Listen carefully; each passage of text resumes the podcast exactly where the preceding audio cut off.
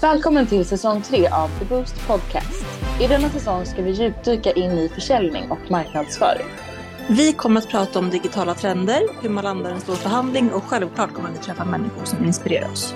Du lyssnar på mig Johanna. Och mig Alexandra. I dagens avsnitt pratar vi bland annat om det nylanserade företaget Zero BS. Hur du planerat sin lansering och medvetet skapat denna buzz. Vi kommer även grotta ner oss i ämnet varumärkesstrategi. Vad är det som bygger ett varumärke och hur arbetar man med det löpande? Disclaimer. I dagens avsnitt skulle vi ha en gäst som vi pratade om förra veckan. Men på grund av sjukdom så kommer det bli lite framflyttat. Alexandra, du som hänger mycket på TikTok. Har Mm. du hängt med om hela stormen kring det här nylanserade hudvårdsmärket av två kreatörer? Ja, eller delvis i alla fall vill jag säga. Mm. Jag antar att du menar Zero BS. Exakt. Av eh, hudvårdsdoktorn och Frida Järnspets. Precis. De har ju precis gått ut med då att de släpper hudvård. Jätte... Jag vet inte, jag har inte, haft, jag har inte haft jättebra koll på någon av dem mer än att man såklart vet vilka de är och att de är otroligt stora. Men jag tyckte Mm. att det kändes som en otippad duo. Ja. Eh, Och om jag har förstått det rätt så är det här ju eh, om en väldigt duktiga hudfixaren eh, Ram, heter han väl? Ja. Eh, hans liksom grundidé. Och han är ju väldigt duktig på TikTok med, med analys av olika produkter och innehåll och skadliga ämnen och så vidare. och så vidare. Jag följer han själv och tycker han är eh, väldigt duktig på det sättet. Mm. Så att det här är väl hans grundidé. Men jag, som jag har förstått det så ville han liksom ha ett ansikte utåt. Eh, Mm. och då kontaktade han Frida. Mm. Och jag tror inte att de har liksom någon connection från början så utan bara Nej, då är så det det här som- TikTok-profiler. Och ja, han ville ha ett, ett ansikte på produkten. Liksom. Ja, men jag fattar. Då är det här, det här som har fört dem samman. Utan då, då är det inte två kompisar som har suttit och spånat. Utan Nej. han har haft en tydlig vision och Exakt. eh, letat efter någon så att säga. Ja. Mm. Ja men det är superspännande. Eh, vad, vad, vad tycker du? Har du någon eh, åsikt? Om ja men det jag tycker, alltså, jag som sagt inte, har inte varit jätte, jätte insatt i faktiskt deras, jag har sett lite om det såklart. Mm. Men det har inte riktigt fångat mitt intresse eh, tyvärr utan det är mer så här, aha, en till som skapar hudvård liksom, typ så. Mm. Mm. Eh, men har sett lite mer nu på senare tid, för jag också pratade med en av mina kreatörer om det här som är väldigt insatt. Mm. Eh, och då började vi spåna och kom in i diskussion och började göra lite research för att det var liksom, vi hamnade på intressanta ämnen om det här. Mm. Och då blev vi lite så här ifrågasättande kring typ deras prissättning dels som har fått Mm. väldigt mycket kritik. Mm. Eh, Väldigt. och sen ja, men just den här bassen som, som finns runt då prissättningen och att de typ lite, inte driver om det, men så här, de har ju lagt upp väldigt sarkastiskt innehåll kring den här kritiken. Förstår du Mm. vad jag menar? Mm. har du sett ja det? verkligen. Ja, jag har Ja. sett det. Eh, vilket man kan tycka kanske känns lite nonchalant och typ arrogant och lite kanske passivt aggressivt till och med. Eh, så. Och sen tycker jag även att deras, jag har svårt att få ett grepp om liksom deras typ branding. Ja. Alltså, det är mina helt spontana tankar. Ja, alltså jag håller helt med. Det har ju verkligen blivit två läger på TikTok skulle jag säga.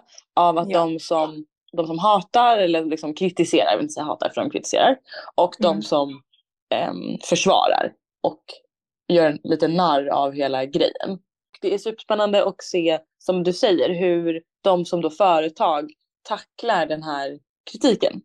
Eh, jag har också jättesvårt att förstå ja, men hela brandingen som du säger och vem, vem är egentligen målgrupp för det här företaget? Mm. Exakt. Med tanke på också priset. Alltså det är ganska saftigt. Exakt. Och ändå liksom vill framförallt då hudfixaren som mest pratar om sånt här på sin TikTok. Mm. är ju väldigt så här förespråkare av att man behöver inte köpa dyra produkter och det här är bra, liksom, det här är inte bra och sådana där saker. Mm.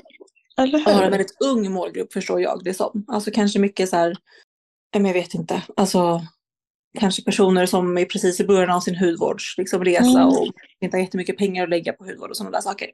Och att man har ju jättemycket TikToks om typ normal. Alltså att man kan hitta så bra produkter där och deras märke, här Ivy Mm. Aya. Att Mm. det ändå är helt okej och väldigt prisvärt och sådana saker. Mm. Så, så lanserar de ett liksom jätte pricey hudvårdsmärke. Det går inte riktigt hand i hand. Nej men alltså visst gör inte det. Och jag tänkte också, jag blev så här, en tanke i mig själv att så här, men, men tycker jag att de borde ha en ung målgrupp just för att de är på TikTok? Och om man ska liksom skilja på det. Och det är klart att det behöver inte, alltså det behöver inte gå hand i hand. Bara för att han är på TikTok, en TikTok-person, så skulle han ju kunna skapa ett brand men som riktar sig till en helt annan målgrupp och att nå den. Men Ja. då kan man ju gå in och grotta i hur de har gjort sin, sin marknadsföring och sin lansering. Och helt Mm. plötsligt då så känns det inte som att de ska rikta sig till den äldre målgruppen utan att de är, de är i de här åldrarna som vi kanske tänker. Eh, Ja. ja men, och det leder oss lite in på dagens ämne och det är faktiskt egentligen vill jag säga, en liten slump att de här två sakerna sker under samma dag. Att vi vill prata om både eh, hudvårdsvarumärket men också att vi ska prata om varumärkesstrategi. Men det är ju ändå, eh, det går lite hand i hand så det är superkul att vi kan prata om båda två i det här avsnittet. Verkligen. Absolut. Vad, eh, men vad är det då? Alltså vad är en varumärkesstrategi? Det är ju egentligen, jag satt och liksom gjorde lite research nu och tänkte så här, okej men vad ska jag, eh, ska jag lyfta? Och det slog mig ganska fort att det är ju väldigt likt det vi har pratat om, om brandbuilding för sitt personliga varumärke. Det är egentligen lite samma sak fast nu pratar vi om ett helt företag. Och Mm. Eh, synen som jag som konsument har på bolaget. Så det är ju allt ifrån eh, hur man, vad man har för tonalitet, hur man kommunicerar, till vad man använder för typsnitt, vad man har för logga, till hur man eh, har byggt det, liksom, det grafiska. Så det är Mm. ju sättet man ser på bolaget och då hur man bygger det framåt för att attrahera rätt typ av person och kund. Mm. Eh, om vi tittar då på den här Zero, alltså det är svårt att säga Zero BS, det rullar inte fint på tungan. Nej, nej, det gör faktiskt inte. Nej, det är verkligen inte. Ja, det är en grej då. Men om vi tittar på dem. Alltså, vi kan väl analysera det här lite. Vi tänker ju då att eh, det är ett bolag som riktar sig till en yngre målgrupp. Mm. Yngre, ja så. Och de har ju satt en, en prissättning som är väldigt hög.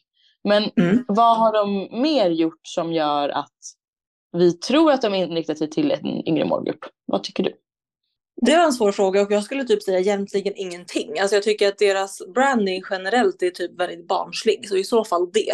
Eh, Men sen tycker jag att de inte riktigt håller en röd tråd i sin strategi. För som du säger så är ju att bygga varumärkeskännedom och att ha en strategi väldigt likt det vi har pratat mycket om när det gäller personlig branding.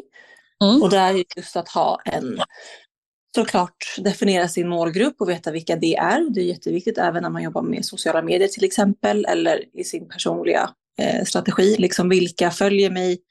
Är det chefer jag vill nå ut till om jag är säljare eller ja, du förstår vad jag menar. Jag förstår. Mm. Och även att, eh, ja men i det här fallet då, berätta eller definiera varför ens eh, produkt är annorlunda eller produkt eller tjänst är annorlunda än sina konkurrenters. Och det tycker jag ändå att så här, ja, det har de ändå gjort. För de pratar ju mycket om att ja, men deras produkter är ju framtagna av, eh, jag vet inte vad han sa för typ av ord, men forskare eller något sånt. Är liksom väldigt, Mm.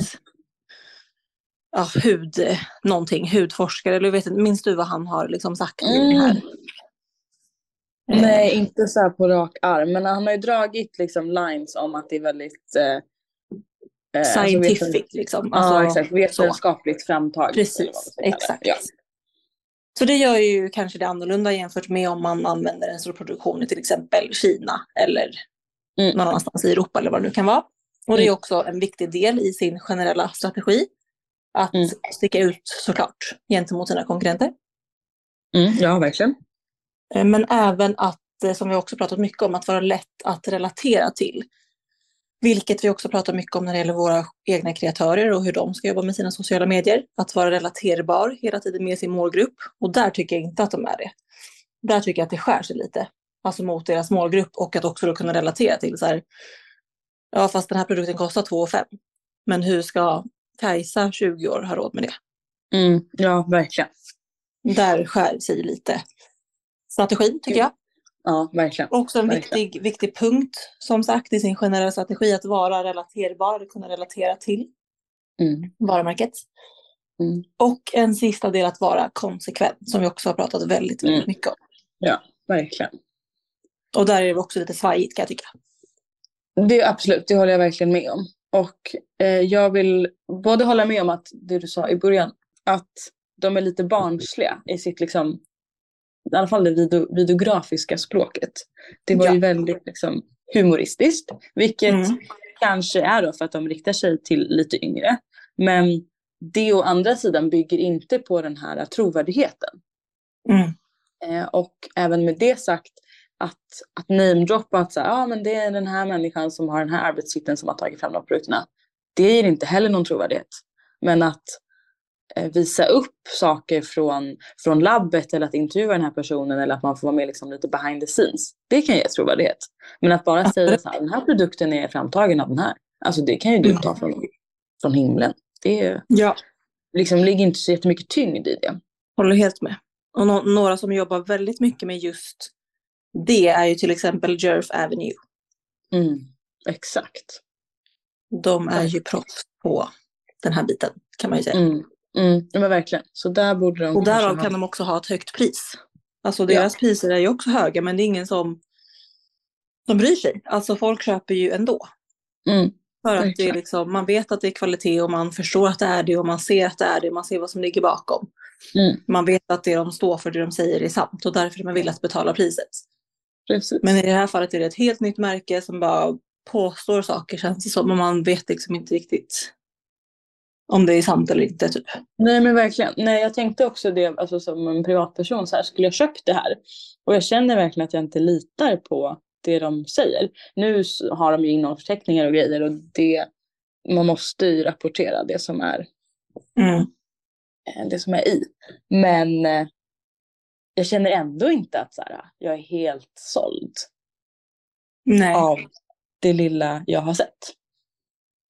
Och Ehm. egentligen handlar det ju liksom inte om, om det, för alla är inte så kunniga som de är. Jag förstår att de brinner för sin produkt, eller framförallt då hudfixaren som eh, är mest Mm. insatt i liksom Mm. ämnet och sånt. Men jag vet inte sånt, även om jag är jätteintresserad och bryr mig om min hud och liksom jätteintresserad av hudvård och sådana där saker. Så har jag inte koll på alla ämnen och vad de är bra och mindre bra för. Så att det, det står massa grejer i innehållsförteckning, för mig det är så här, ja. Okej. Eh, Det är bara behöver massa svåra ord. Exakt, Precis. exakt.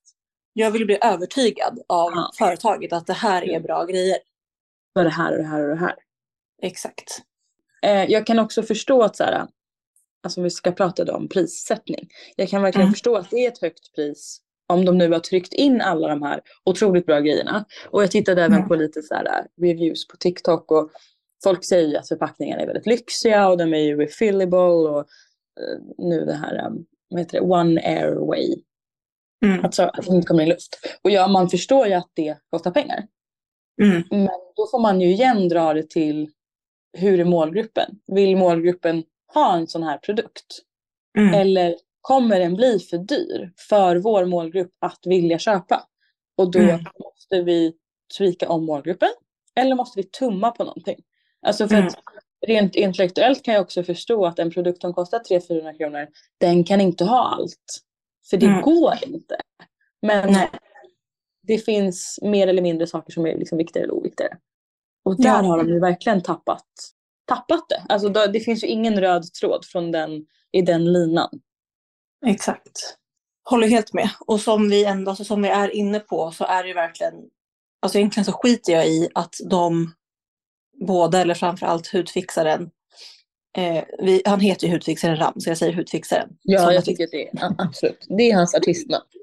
Det är hans artistnamn, precis. Och han lägger upp väldigt mycket, ja, men lite aggressiva tycker jag, stories. Att så här, ja men ni vill att vi ska sänka priset och det kan vi absolut eh, göra för att men, vår produkt är ju framtagen i Schweiz. Men alltså, du vet så här, den här eh, motsatta trenden som är på TikTok, att man ska lägga upp så här, varför ska du inte köpa den här produkten? Mm. Den är så bra, den ger mig flawless skin. Den är bla bla bla, bla. att han kör lite samma teknik, men det blir väldigt aggressivt. Att så här, ja ah, okej, nu tycker jag att produkten är för dyr. Så, mm. ska vi tänka priset? Alltså för att så kör han liksom väldigt aggressiv ton i det. Och ja. jag, blir, jag blir bara provocerad. Typ, för jag tycker att istället så här, borde han kanske, eller borde de kanske utbilda, som vi har sagt, sin målgrupp. Alltså bjud in mm. Event eller skicka ut PR eller gör liksom material med era fabriker. Ha ett utbildande event, eh, som jag nämnde, med influencers som kan sprida det vidare i sina kanaler på ett bra sätt.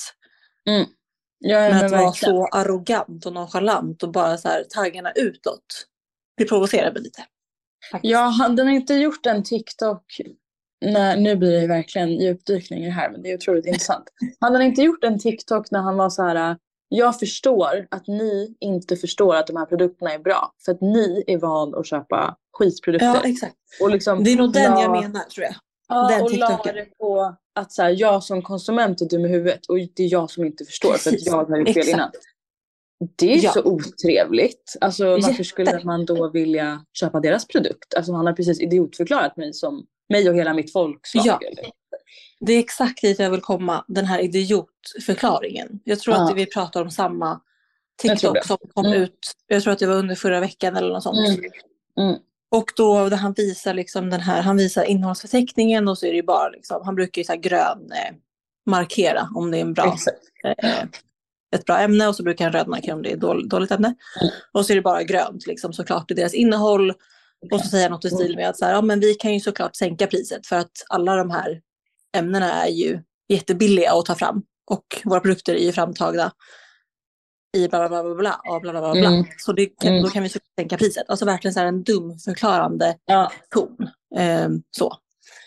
Och det blev jag väldigt så här, ja, men typ provocerad av och kände att mm. jag kommer absolut inte liksom vilja sätta mig in eller köpa det här eller alltså ens vara intresserad av det här.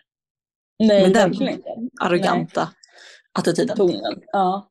Ja, och också en grej som jag kom på nu som de har gjort, som säkert kanske är en strategi, men det är att den största delen av kommunikationen som går ut, i alla fall på TikTok, är ju via deras privata konton. De har ju typ lagt ut tre grejer på deras eh, företagskonton. Ja. Jag inne och kollade idag, precis innan vi började, så det är verkligen tre grejer. Och det är typ mm. en behind the scenes, en eh, lanseringsvideo och en produktvideo. Typ. Och mm det kanske också hade egentligen behövt vara mycket mer där och vara mycket mer professionellt mm. i hur man besvarar, eh, besvarar kritiken och att det är företaget som besvarar kritik, inte de här två privatpersonerna. Även fast det är de som är bolaget. Alltså jag tänker typ ja. på, på Kaja, när de, de har ju varit jätteduktiga med att eh, det är mycket Kaja som är en egen person som har, mm. är det här varumärket. Mm. Och mycket kommunikation går ut där. Och sen såklart har väl i några hatstormar så har det, de gått ut lite på sina kanaler. Men de har ändå mm. varit väldigt duktiga på att trycka ut det kontot som är för Kaja och inte Biancas eller Vanessas. Mm. Och nu gör de här två lite tvärtom. Och det bygger ju deras personliga brand. Men det blir också väldigt personligt. Mm. Och kanske också jättesvårt ja. för dem att då bli um, professionella och inte göra sådana här ni förstår ingenting. För han hade aldrig kunnat lägga ut en sån video på sin företags TikTok. Nej, hade exakt. En dag. Ja, absolut. Mm. Helt rätt. Mm. Men så vad tror vi då? Var det här en, en strategi? Har de satt mm. det här höga priset för att skapa den här bassen? Kommer de sänka priset? Kommer de fortsätta? Alltså, Alltså jag vet inte, jag är tvådelad, säger man så? Tudelad, mm. tvådelad Tudelad. i ja. vad jag tänker. För samtidigt är det också en dålig strategi skulle jag säga att plötsligt också sänka priset. Plöts, alltså så. Ja, det är, det är en strategi. För det sänker ju också värdet på ens företag. Eller det blir liksom inget bra utåt helt enkelt. Nej.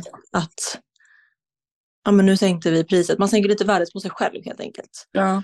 Och det känns som en dålig strategi. Att mm. medvetet. Ja, det, Ja, det hoppas jag verkligen inte att de har gjort som en strategi. För som du säger, det är ju en jättedålig grej att göra för varumärket. Ja. Så nej, jag tror, alltså jag tror på riktigt att de har tänkt lite att men vi är så stora konton och, och det här är så bra idé. Mm. Det finns inget sånt här på marknaden, typ. Ish. Eh, så vi kommer säkert sälja, typ. Ja, de har säkert också tittat lite potential på Mantle. För det är ju mm. också ett praktexempel på ett bolag som har byggts över tid organiskt och väldigt, mm. väldigt snyggt. De har ju sjukt dyra produkter egentligen. Mm. Där kostar ju också 900 spänn för ett serum. Um, och nu ligger deras rengöring på typ kanske 380, inte ja. 700. Men de ligger ändå väldigt högt i pris och de, de trycker ju på, de var ju först med liksom CBD och hela den grejen. Mm, men det är väl aldrig vad jag vet någon som har ifrågasatt priset. Nej, och de har ju också en tydlig nisch just med det där med CBD. Exakt. Alltså jag förstår inte riktigt egentligen Zero BS nisch. Alltså det är en jättebra, det är produkter med jättebra innehåll. Okej. Okay? Mm. Men måste jag ha alla de här grejerna samtidigt mm. på min hy? Eller kan jag komplettera? Eller vad har jag för hy? Mm. Vilka produkter behöver jag? Behöver jag, liksom, jag kanske behöver fem av de här tio bra ingredienserna. Ja, för det är det också. Alltså, behöver man så där mycket bra ja, grejer? Ja, eller hur? Jag vet inte. Alltså, alltså Margareta Gräs sa också så här, hon bara, ja den här rengöringen är ju skitbra, alltså innehållsmässigt. Hon mm. bara, men den ligger ju inte ens på huden. Den, mm. den tvättas ju bort. Så ja. varför behöver man en så här bra produkt? Och det är ju någonting som de i sådana fall borde verkligen prata om. Mm. Alltså jättemycket. Det borde vara deras kommunikation typ första två åren. Bara ja. det, här, det här är varför, det här är varför. Ja, för ärligt, om man, om man då slår ut så här, okej, okay, hur länge håller en sån här rengöring? Man använder den två gånger om dagen. Säger vi, typ, det gör man ju. Mm, ja, ja. Eh, hur länge håller en sån? Hur mycket pengar behöver jag lägga på en sån mm. per år, säger vi. Eller ett serum, eller vad det nu kan vara. Mm. Och så Exakt. kanske man inte behöver alla de här ingredienserna. Då, helt ärligt, kanske jag köper ett serum för en tredjedel av priset, eller halva priset i alla fall. Mm. Och typ gör en ansiktsbehandling istället. Mm. Alltså för resterande pengar. De hade blivit samma sak. Alltså mm. förstår du? Mm. Det blir så, jag förstår inte riktigt. För egentligen så är det inte, alltså. Jag förstår inte varför allt, man skulle behöva allt det där i samma produkt. Alla också, har också så olika behov och olika hy. Mm. Ja, verkligen. Nej. Jag kan ju ännu mindre om hudvård än vad du kan. Men jag känner samma sak. Det kan inte vara möjligt att man ska ha så här mycket grejer. Nej, exakt. I sin hudvård. Håller med. Ja. Super, super, super intressant. Det ska bli jätteintressant att följa. Jag har, om jag får bara berätta min magkänsla så tror jag mm. att eh, det här företaget kanske inte kommer bli en hit och att det kanske Nej. inte är here to stay. Men eh, time will tell. Jag är ja. jättepeppad på att se hur, eh, hur de tar sig fram.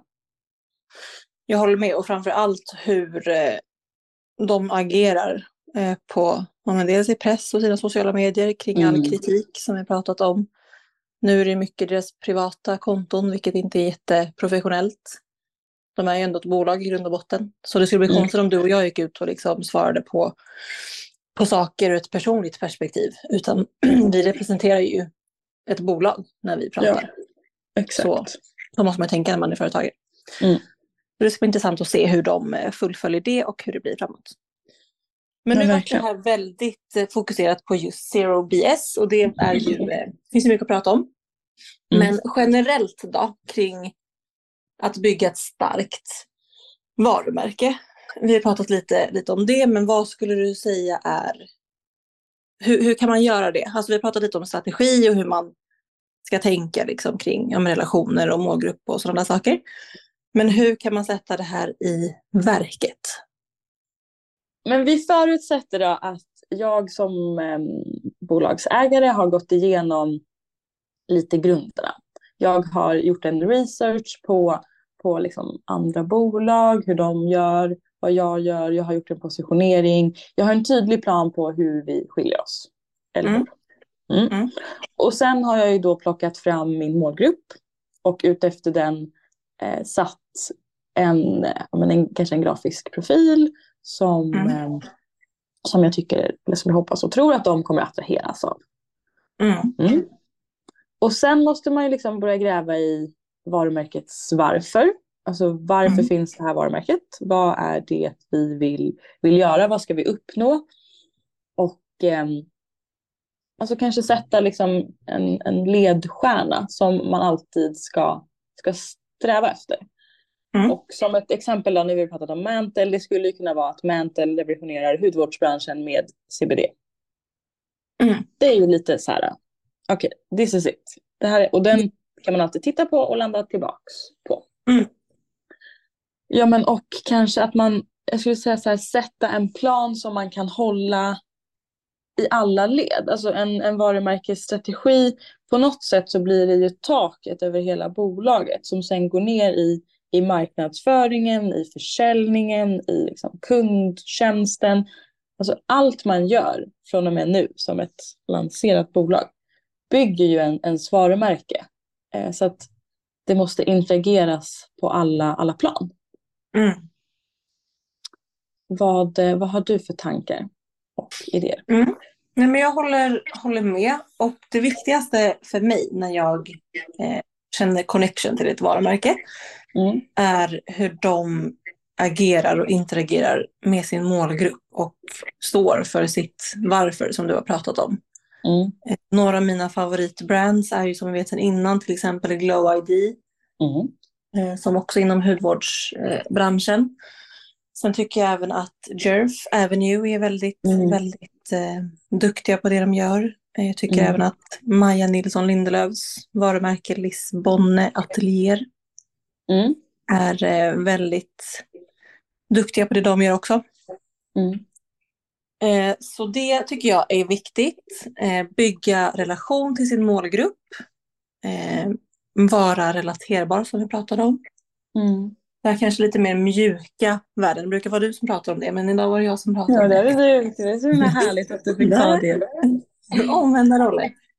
Eh, Att man bygger liksom en tillit till sin målgrupp. Mm. Eh, Som vi pratade Bra. om, att vi inte tycker att Zero BS direkt kanske gör Nej. eh, just nu.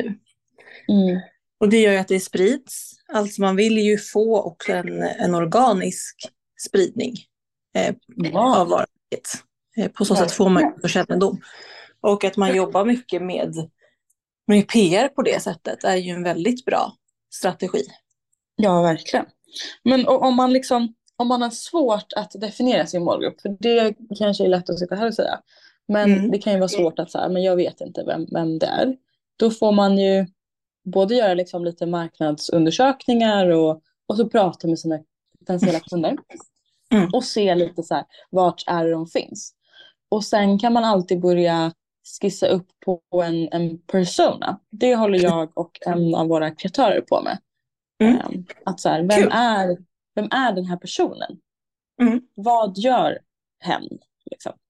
Ja, men är det en person som tränar på morgonen? Eller, alltså det ska vara liksom högt och lågt. Tycker den om gula, som, gula färger? Eller tycker den om svartvitt? Eh, Bor den i ett beige hem? Bor den i stan? Mm. Bor den i en landsbygd? Är den så, så här gammal? Har den mycket kompisar? Alltså, vad är det för person? Och så här, Ja. kan vi rita upp en person? Vad gör den? Och då kan det bli lite mer Jättekul. konkret och ganska kul. Precis. Alltså det är jätteroligt att sitta och hitta på en låtsasperson Gud eh, ja. som interagerar på olika sätt. Så det är väl ett jättetips skulle jag säga. Absolut. I Oftast-. Ja, och oftast har man ju fler. Alltså man kanske har i alla fall två, tre stycken personas. Absolut. Man kanske har en som är mer framträdande som kanske står av en större del av ens målgrupp. Ja. Men att man sätter två, tre personer och ritar upp dem och visualiserar dem och vad som du säger, vart bor de, vad jobbar de med, vad har de för inkomst, vad är de på fritiden, vad är deras intressen, vad vill de äta till middag, vad får de att köpa saker, vad Ja. motiverar Vad dem. känner de? Precis. Exakt. Mm. Väldigt, väldigt kul. Det här satt jag också gjorde när jag pluggade den här kursen för ett år Mm. sedan. Ju, Mm. sociala medier manager-kursen. Just det. Då Mm. fick vi rita upp massa personas, det är väldigt kul. Det är ju väldigt roligt. Det blir lite Mm. psykologi över det hela. Och psykologi är väldigt kul. Ja. Alltså man kan ju verkligen sammanfatta det här ämnet varumärkesstrategi som att det är ingen, ingen piece of cake. Det är ingenting Mm. som, som man bara gör, man slänger ihop på ett, liksom, en workshop, tre personer. Utan det här, det här är något som företag jobbar väldigt mycket med. Mm. Eh, Speciellt stora bolag, de har ju liksom avdelningar och personer som sitter med endast det här. Lite mindre bolag som, som du och jag, vi, vi får ju jobba med det övergripande och liksom löpande eh, till och från. Så it's a big thing, men det är jätteviktigt. Och, Ja. eh, viktigt att hålla sig till något slags ramverk. Absolut, men att det också kan förändras. Alltså vägen inom strategin kan ju förändras, men att man har, som pratat om, en grundidé eller ett grundtak liksom, över huvudet. Vad är företagets grundvärdering? Vad står vi för? Men Och sen kan såklart strategin eller innehållet ändras lite därefter beroende på också hur världen förändras och målgruppen kanske förändras. Man kanske märker att oj, nu fick vi jättemånga inom den här kundsegmentet, så måste vi ändra strategin mot det till exempel. Mm. Ja, Men att man har en tydlig vision och väg och Mm. ståndpunkt för, för företaget och håller sig till den. Att ha ett Mm. varför är ju generellt i alla delar av livet eh, jätte, Mm. jätteviktigt att förstå. Varför man gör saker, alltså varför vill jag varför vill jag träna? Har jag något mål? Varför, varför jobbar jag? Liksom, visst Mm. tjäna pengar, Ja, men vad har jag för verkligen. karriärsmässiga mål? Varför Mm. gör jag saker? Mm. Vart ska det ta mig? Samma sak Mm. med ett företag. Vi skulle inte starta ett företag och bara yes, nu startar vi det här. Nej, Punkt. nej. Det, det måste vara? Ja, det måste vara lustfyllt på något sätt. Ja. Med det kanske vi sätter punkt. Vad tycker du? Mm. Jag tycker det och vi kommer ju djupdyka mer inom eh, de här områdena nu när vi har gjort den här nya säsongsindelningen.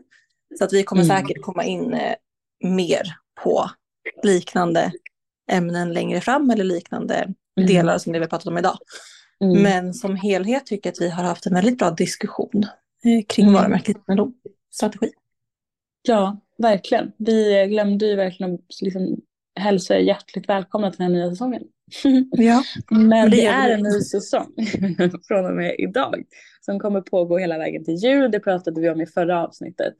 Och eh, det, vi hoppas att vi kommer kunna dyka ner lite mer den här säsongen i, i specifika saker.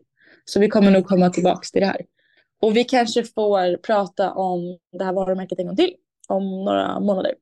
Mm, om de har absolut. eh, strategi eller liknande. Det tycker jag. Spännande. Men Bra. eh, vi hörs om en vecka. Det gör vi. Hej då! Hej då!